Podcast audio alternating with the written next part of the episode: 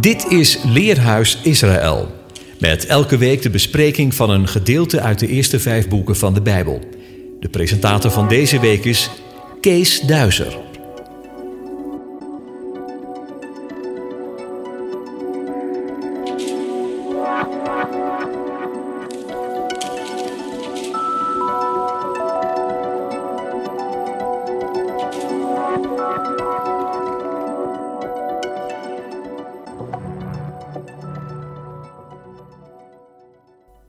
Shalom luisteraars, welkom bij deze nieuwe uitzending van Leerhuis Israël.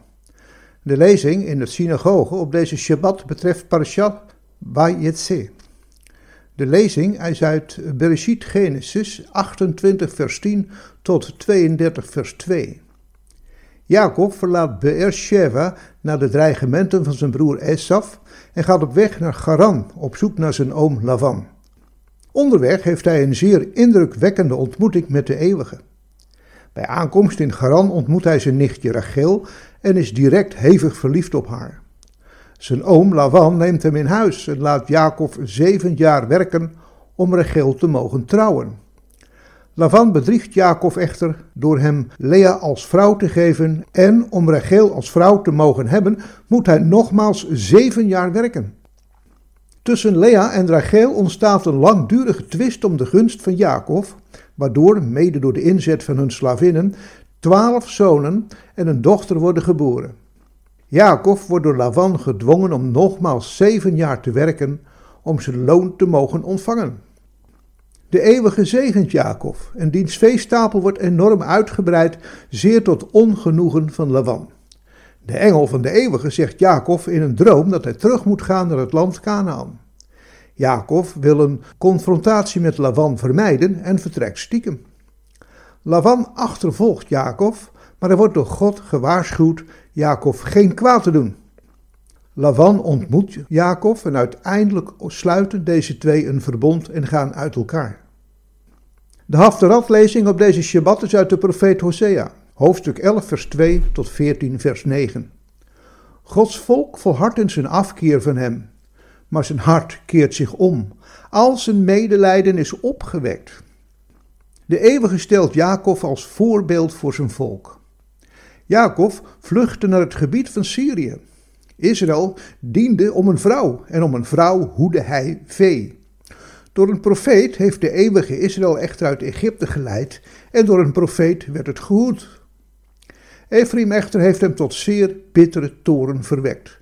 Daarom zal hij zijn vergoten bloed op hem laten neerkomen. Zijn Heer zal hem zijn smaad vergelden. De profeet spreekt over Israëls zonde en een straf.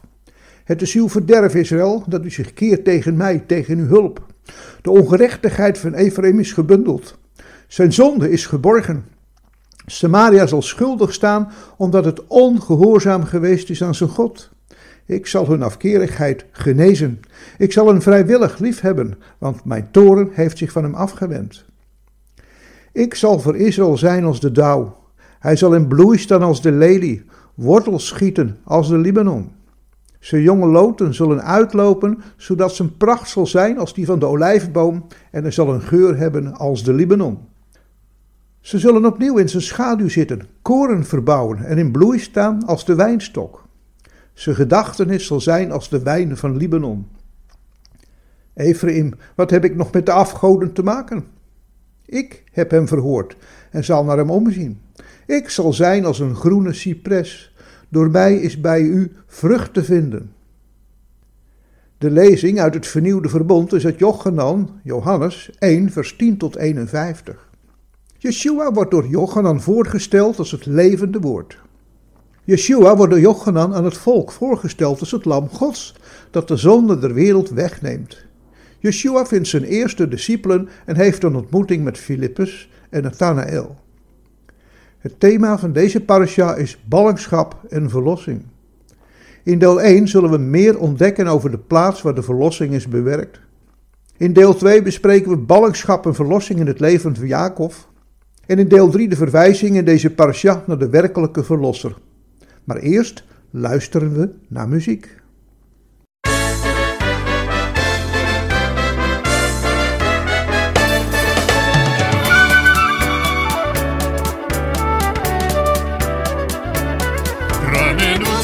King Badonai, Vaishavim Navatehila. Ranenu, Ranenu, Tzadikim Badonai, Vaishavim Navatehila. Hodul Adonai Bechim. coração, amor.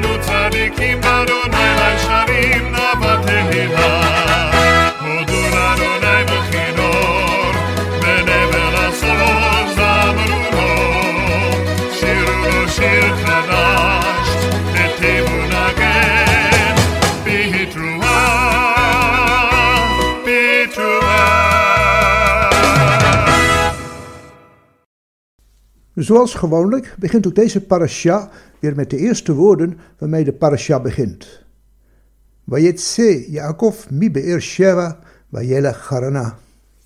En Jacob vertrok vanuit Be'er Sheva en hij ging naar Haran. Het lijkt erop dat Jacob hals over kop Be'er Sheva moest verlaten. Want zijn broer Esau had hem met de dood bedreigd. Rivka had het vernomen van haar dienaren en ze bedacht zich geen ogenblik. Ze stuurde Jacob naar haar broer Laban in het verre Garan, de plaats van waaruit ooit Abraham was vertrokken naar het beloofde land. Want daar zou Jacob veilig zijn. Maar opnieuw verborg zij deze ware reden van Jacobs vertrek voor Jitschak, haar echtgenoot. Ik heb geen leven hier met die Hethitische vrouwen waarmee Esau is getrouwd, zei ze hem. Wat heeft mijn leven nog voor zin als Jacob er ook nog een trouwt? Zo wordt Jacob door Jitschak naar Garan, naar oom Lavan gezonden om daaruit zijn dochters een vrouw te kiezen. Het lijkt erop dat Jacob als een berooid man Beersheva moet verlaten. Nergens lezen we van dienaren die hem vergezellen of van rijdieren. Ook lezen we niet van tenten of enige andere meegenomen beschutting voor onderweg. We krijgen de indruk dat Jacob alleen en te voet de weg naar Garan aflegt. Op zeker moment komt Jacob aan het eind van de dag aan op een zekere plaats. We lezen in vers 11: Vayifka bamakom, vayalan sham, kiva hashemes, vayikach me'avnei hamakom, vayasem reshatav, vayiskaf bamakom hahu. En hij geraakte op de plaats en hij overnachtte daar, want de zon was ondergegaan. En hij nam van de stenen van die plaats en legde die aan zijn hoofdeinde en legde ze neer op die plaats. Dit is wel een heel bijzondere zin met veel betekenis. Wat eerst opvalt is dat we driemaal hetzelfde woord tegenkomen, makom. En dan ook nog met veel nadruk. Daarover zometeen meer. Het eerste woord, wajifka, kan vertaald worden met raken of geraken. Het kan ook rijken of bereiken betekenen. Ook kan het vertaald worden met bidden, tegenkomen of stoten op. Het lijkt erop dat Jacob niet van plan was om hier te overnachten. Hij kwam daar en toen bleek de zon onder te gaan.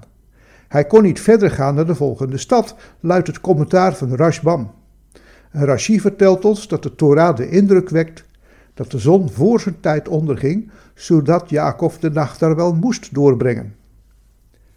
En dus rest Jacob niets anders dan de nacht in de open lucht op die plaats door te brengen, en dan gebeuren daar bijzondere dingen. Jacob krijgt een droom. Hij ziet een ladder, de ons bekende Jacobsladder, op de aarde staan waarvan de top de hemel reikte. En hij ziet engelen langs de trap omhoog gaan en weer daar langs afdalen naar de aarde. Over de betekenis van die ladder en de opstijgende en afdalende engelen is veel geschreven. Ik zal u al die uitleggingen besparen, maar één wil ik u niet onthouden. Rabbi Abraham ibn Ezra schrijft dat de meest acceptabele verklaring is dat de ladder de verbinding symboliseert tussen het hemelse en het aardse, waarlangs de engelen, die als tussenpersonen dienen, boodschappen overbrengen van het een naar het ander. Veel belangrijker is het dat Jacob de eeuwige bovenaan de ladder ziet staan en dat deze tegen hem spreekt. En wat de eeuwige tegen hem zegt is niets anders dan een bevestiging van het verbond dat de eeuwige heeft gesloten met Abraham en Jitschak. Maar tevens de verzekering dat de eeuwige hem zal beschermen en terug zal brengen in dit land. Ha-Adama, Hazot staat er. Het land, de deze, staat er letterlijk. Ha-Adama, de bodem, de grond, de bloedrode grond waar Jacob op staat. De eeuwige zal hem beschermen en zeker weer op dit land terugbrengen. Het is tevens de belofte dat Israël altijd weer zal terugkeren naar zijn land. Het land van de belofte, de bloedrode aarde. Maar wat is die plaats, die bloedrode aarde, waar Jacob zich bevindt? Waarom spreekt de Torah hier van bloedrode aarde en niet van Haaretz, zoals gebruikelijk als over het land gesproken wordt? Waarom wordt het bloed hier in verband gebracht met de bodem, de aarde? Wat is dit voor plaats? Jacob is zeer onder de indruk van zijn droom, zijn visioen. Hij wordt zeer bevreesd. Hij zegt: Manorah hamakom hazeh, ze in Beit Elohim, we sha'ar hashemayim. Hoe ontzagwekkend is deze plaats. Dit is niets anders dan het huis van God en de poort naar de hemelen. En weer komen we het woord Hamakom Hazet tegen, de plaats, de deze. Zo vertaald klinkt het krom, maar het legt een dubbele nadruk op het woord makom, plaats. Het Hebreeuws kent maar één lidwoord, ha. Dit is een bepaald lidwoord. Als een woord niet bepaald is, dan staat er in de regel geen lidwoord voor. Wij zouden dat vertalen met een ervoor. Makom is dan een plaats, zomaar een plaats, niets bijzonders. Maar als er staat hamakom, dan moet het vertaald worden met de plaats. Als er staat bamakom, dan staat er in of op de plaats. Het is een samentrekking van het voorzetsel be en het lidwoord ha. Het geeft dan nog steeds aan dat het om een bepaald woord gaat. En de toevoeging hazeh, deze, legt nog eens een extra nadruk op het woord deze speciale plaats. Waarom is deze plaats waar Jacob overnachtte nu zo speciaal, zo belangrijk? Want de Torah geeft ons deze hint. Het woord makom komt in dit tekstgedeelte van twaalf versen zesmaal voor, waarvan in het tweede vers alleen al driemaal. We weten inmiddels als zulks gebeurt dat het ons iets wil duidelijk maken, dat we de tekst nader moeten onderzoeken. In Bereshit 22 komen we dit woord Hamakom driemaal tegen. Het gaat om de plaats waar Abraham zijn zoon Yitzchak ten offer moest brengen. We kennen deze geschiedenis en weten dat deze plaats geïdentificeerd wordt met de berg Moria, de plaats waar later de tempel is gebouwd maar ook waar Adonai Yeshua is gekruisigd aan de noordkant van de tempel, ofwel aan de noordkant van het altaar. Hoe treffend is het dan als Jacob spreekt van deze plaats, dat dit het huis van God is, Bethel. Was het al niet Abraham die deze plaats de naam gaf Adonai Jireh, de eeuwige zal voorzien? In Devarim, Deuteronomium, komen we het woord Hamakom ook veelvuldig tegen in de teksten waar de eeuwige spreekt over de plaats die de eeuwige uw God uit al uw stammen zal uitkiezen om daar zijn naam te vestigen. Naar zijn woning moet u vragen en daarheen komen. Daarheen, dus naar die plaats, moet u uw brandoffers brengen, uw slachtoffers, uw tienden, etc. We vinden deze plaats veelvuldig terug in Devarim 12, vers 1 tot 31, 14, vers 23, 16, vers 6 en 11 en 26, vers 2. U kunt al deze tekstverwijzingen terugvinden in de handout. In deze teksten is Hamakom steeds de verwijzing naar Jeruzalem en met name naar de berg waar Bethel, het huis van God, de tempel is gebouwd. Hoe treffend is het dat Jacob juist hier de steen die tot zijn hoofdkussen heeft gediend rechtop zet als een gedenksteen en deze zalft met olie. En wat zegt Jacob als hij de opgerichte steen zalft met olie? Deze steen die ik als gedenkteken overeind zet, zal als een huis van God zijn. Het kan toch niet anders dan dat op die plaats, Hamakom, het Beit Mikdash, de tempel, is gebouwd. En is het zalven van de steen met olie ook niet een directe verwijzing naar de gezalfde die hier op deze plaats eens zichzelf als een offer heeft gegeven en is gestorven? Opdat wij allen die in hem geloven gered en verlost mochten worden. Wiens bloed, dat vloeide aan het kruis, de aarde rood heeft gekleurd. Ha-Adama, de bloedrode aarde.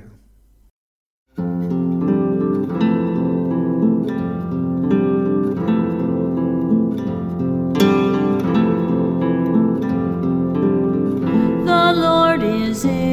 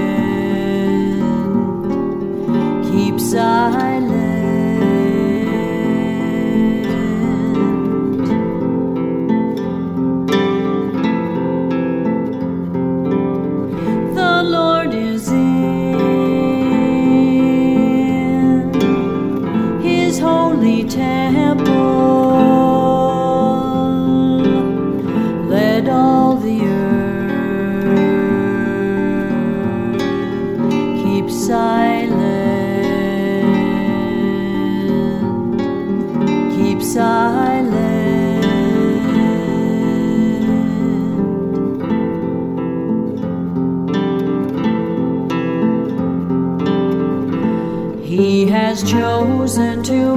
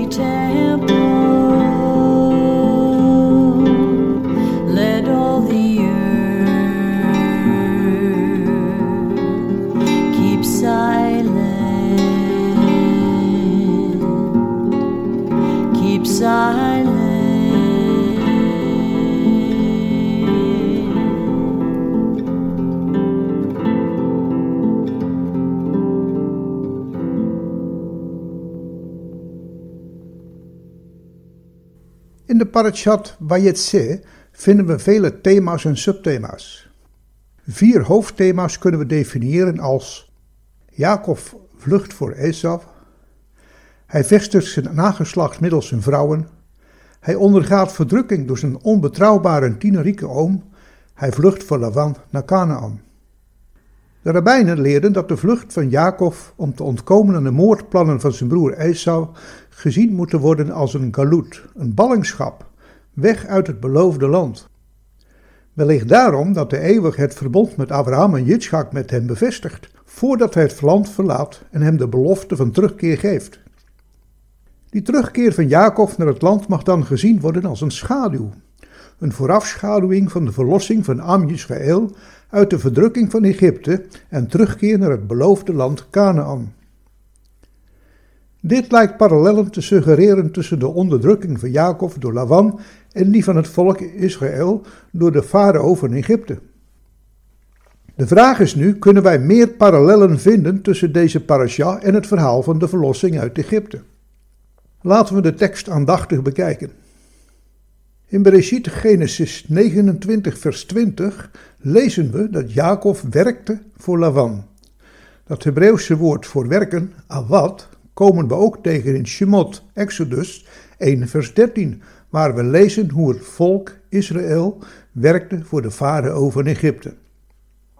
Bereshit 31 vers 12 leest dat de eeuwige de onderdrukking door Lavan had gezien, net zoals hij de verdrukking van zijn volk door Egypte gezien had. Shemot 3 vers 7. In beide versen zien we een vorm van het werkwoord ra'a.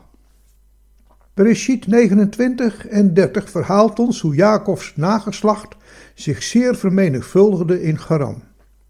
Shemot 1 vers 7 vertelt ons dat het volk Israël zich overvloedig vermenigvuldigde in Egypte. In Bereshit 31 vers 22 werd aan Lavan verteld dat Jacob vluchtte. In Shemot 14 vers 5 lezen we dat aan de farao werd verteld dat Am Israël gevlucht was. Hier vinden we in beide teksten dezelfde vorm van het werkwoord nagat, vertellen. In Bereshit 31 vers 23 lezen we dat Lavan Jacob achtervolgde, net zoals de farao Israël achtervolgde. In Shemot 14 vers 8. Hier vinden we dezelfde vervoeging van het werkwoord radaf, dat achtervolgen of jagen betekent. De traditie vertelt dat de farao op de derde dag op de hoogte werd gebracht dat het volk Israël niet terugkeerde en hij ze uiteindelijk inhaalde op de zevende dag bij de Rietzee. Lavan werd op de derde dag verteld dat Jacob was gevlucht en hij achtervolgde hem gedurende zeven dagen. Zijn al deze parallellen en overeenkomsten in de tekst toevallig of willen ze ons iets laten zien van de profetische betekenis van deze schriftgedeelten? Zo laat de Torah ons zien dat het verhaal van de Galut, de ballingschap van Jacob, zijn profetische schaduw vooruitwerpt en leert dat in later tijd heel Am Yisrael in ballingschap zal zijn in Egypte en daar onderdrukt zal worden. Een feit dat de eeuwige ook al aan Abraham had voorzegd. Maar deze parasha laat ons veel meer details zien van wat Am Yisrael in Egypte zal meemaken. Zo kunnen we vaststellen dat Lavan een profetisch beeld geeft van de farao van Egypte. Maar ook dat de stormachtige vermenigvuldiging van de familie van Jacob een profetisch beeld geeft van de enorme vermenigvuldiging van Am Yisrael in Egypte. De vlucht van Jacob uit Garan is zo een profetisch gebeuren van de uittocht en de vlucht van Israël uit Egypte.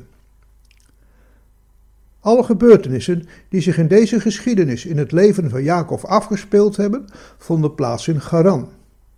De gehele geschiedenis van de onderdrukking, de slavenarbeid en tenslotte de verlossing en de uittocht van Am Yisrael vonden plaats in Egypte.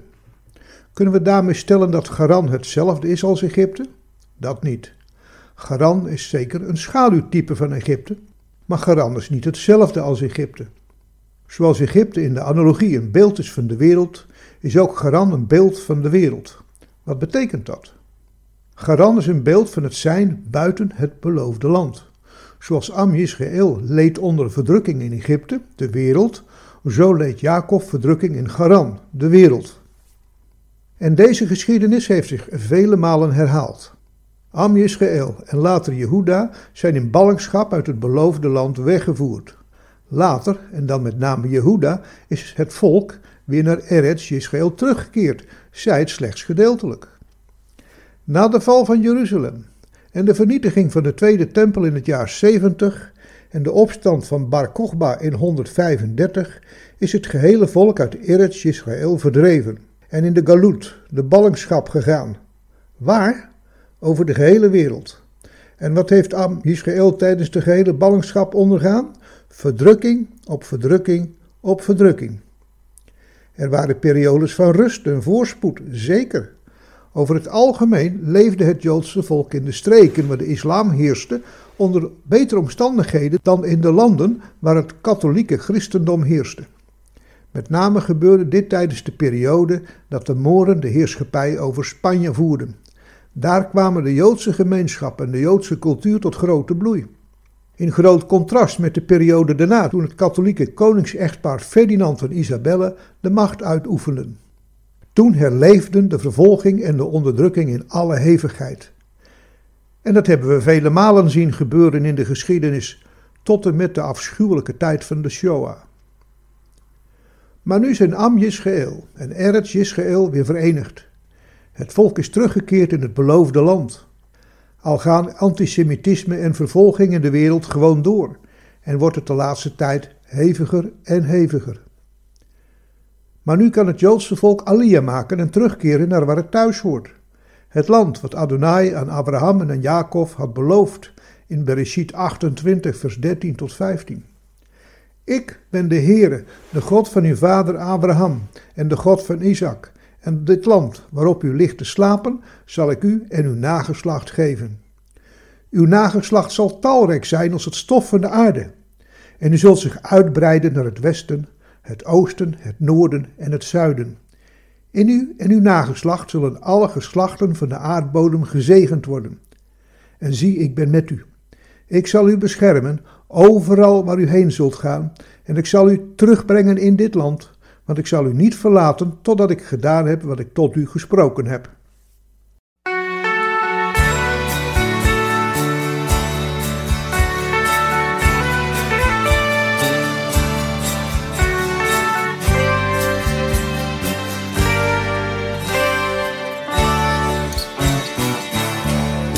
Pray for Jerusalem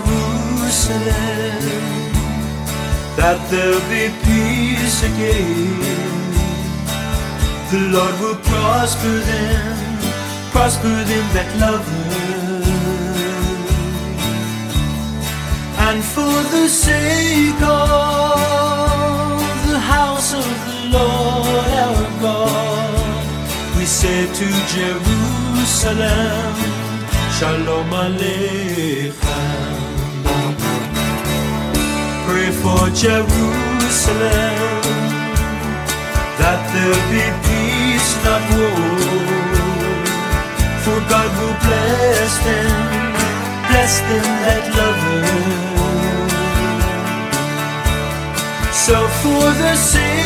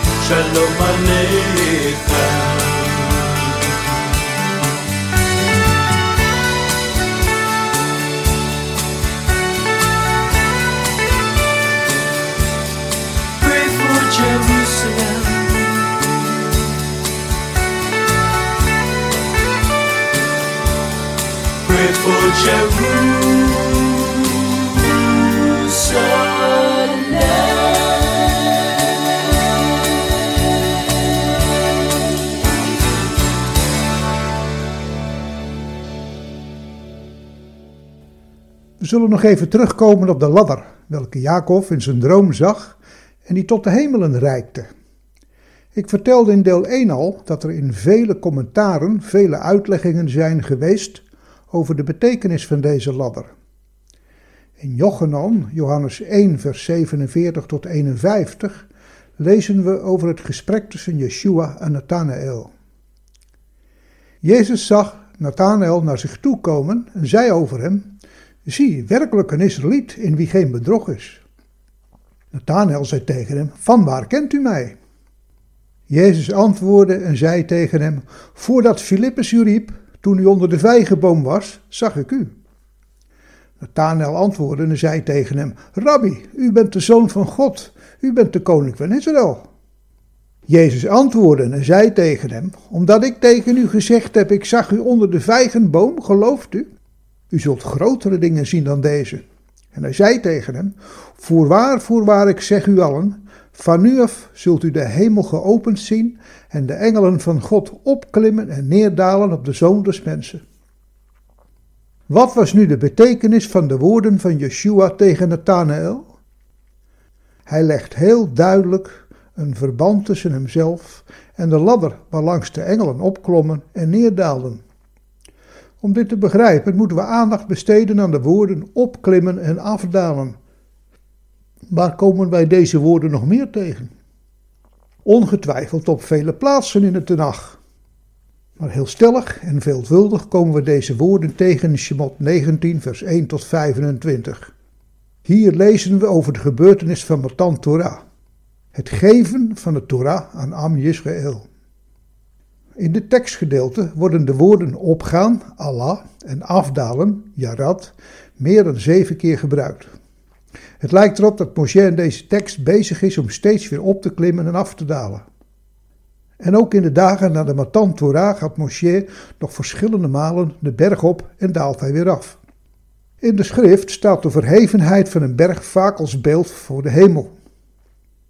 Moshe ontmoet Adonai verschillende malen bovenop de berg Sinaï. Wellicht daarom dat Yeshua een voorkeur had voor de top van een berg om zich af te zonderen en samen te zijn met zijn hemelse vader. Als we weten dat Moshe een van de belangrijkste schaduwbeelden is van Mashiach, Yeshua, dan kunnen we ons voorstellen dat de missie van Yeshua betekent dat hij talrijke beklimmingen en afdalingen naar en van de hemel zal moeten maken. We mogen er ook bij stilstaan dat het voornaamste waar Moshe zich mee bezig hield tijdens deze beklimmingen naar omhoog, was het bemiddelen van het verbond tussen de eeuwige en het volk Israël. En wat heeft Yeshua gedaan? Zoals Hebreeën 8 vers 6 ons leert, nu heeft hij echter een zoveel voortreffelijker bediening ontvangen, zoals hij ook van een beter verbond middelaar is. Een verbond dat in betere beloften is vastgelegd. Dat is wat Yeshua heeft gedaan. Zoals Moshe opklom en afdaalde en daarmee het verbond tussen God en zijn volk bemiddelde, zo heeft Yeshua een vernieuwd en beter verbond bemiddeld tussen de eeuwige en de wereld. Op verschillende schriftplaatsen kunnen we dit thema terugvinden. Spreuken 30 vers 4. Wie is er naar de hemel opgestegen en vandaar neergedaald? Wie heeft de wind in zijn handen verzameld?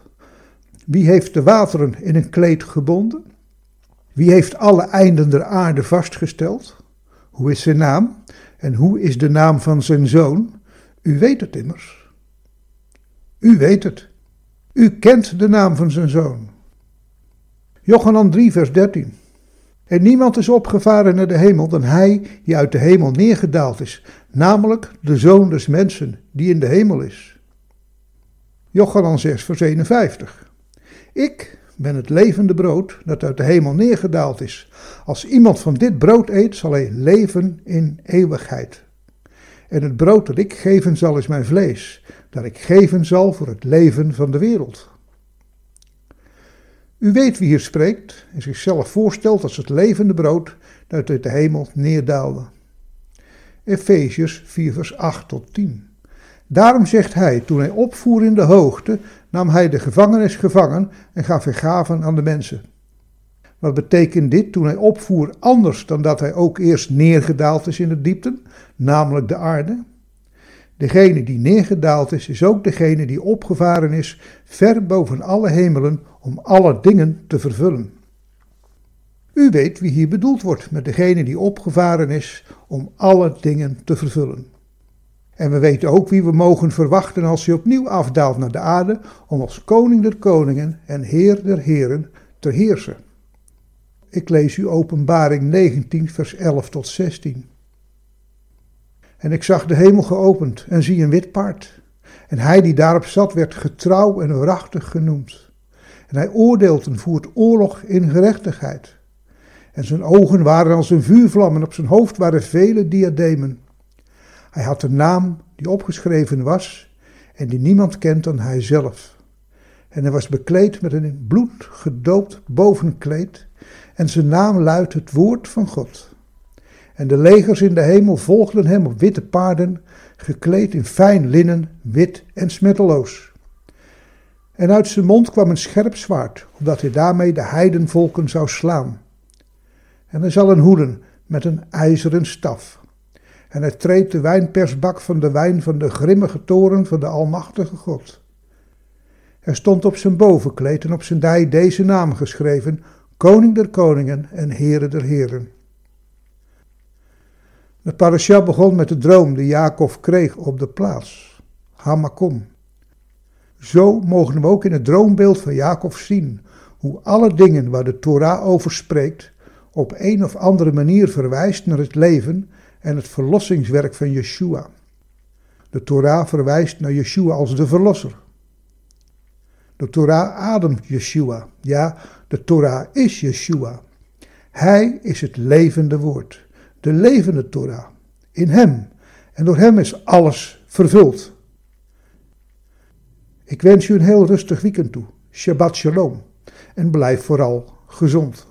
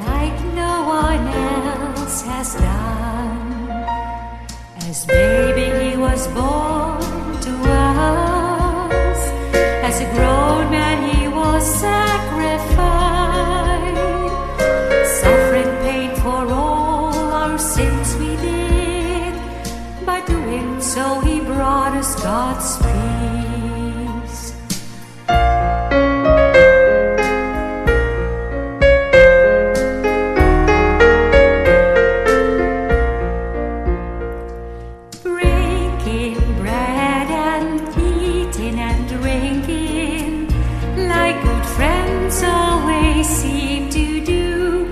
For him, no mercy, suddenly betrayed and accused of wrong.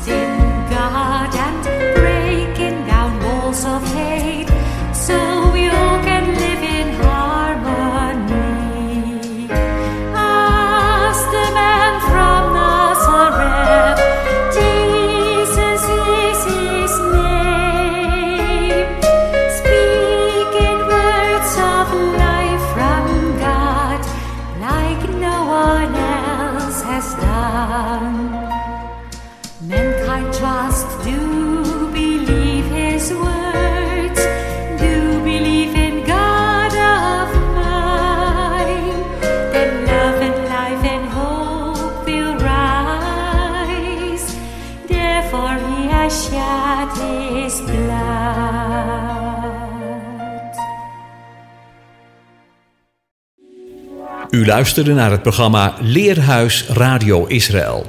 Een wekelijkse studie aan de hand van de Bijbelgedeelten die wekelijks door de Joodse gemeenschap worden gelezen. Heeft u een vraag of opmerking? Stuur dan een e-mail naar info@radioisrael.nl. Het leesrooster vindt u op onze website. Ga naar radioisrael.nl en klik onder het kopje radio op programma's.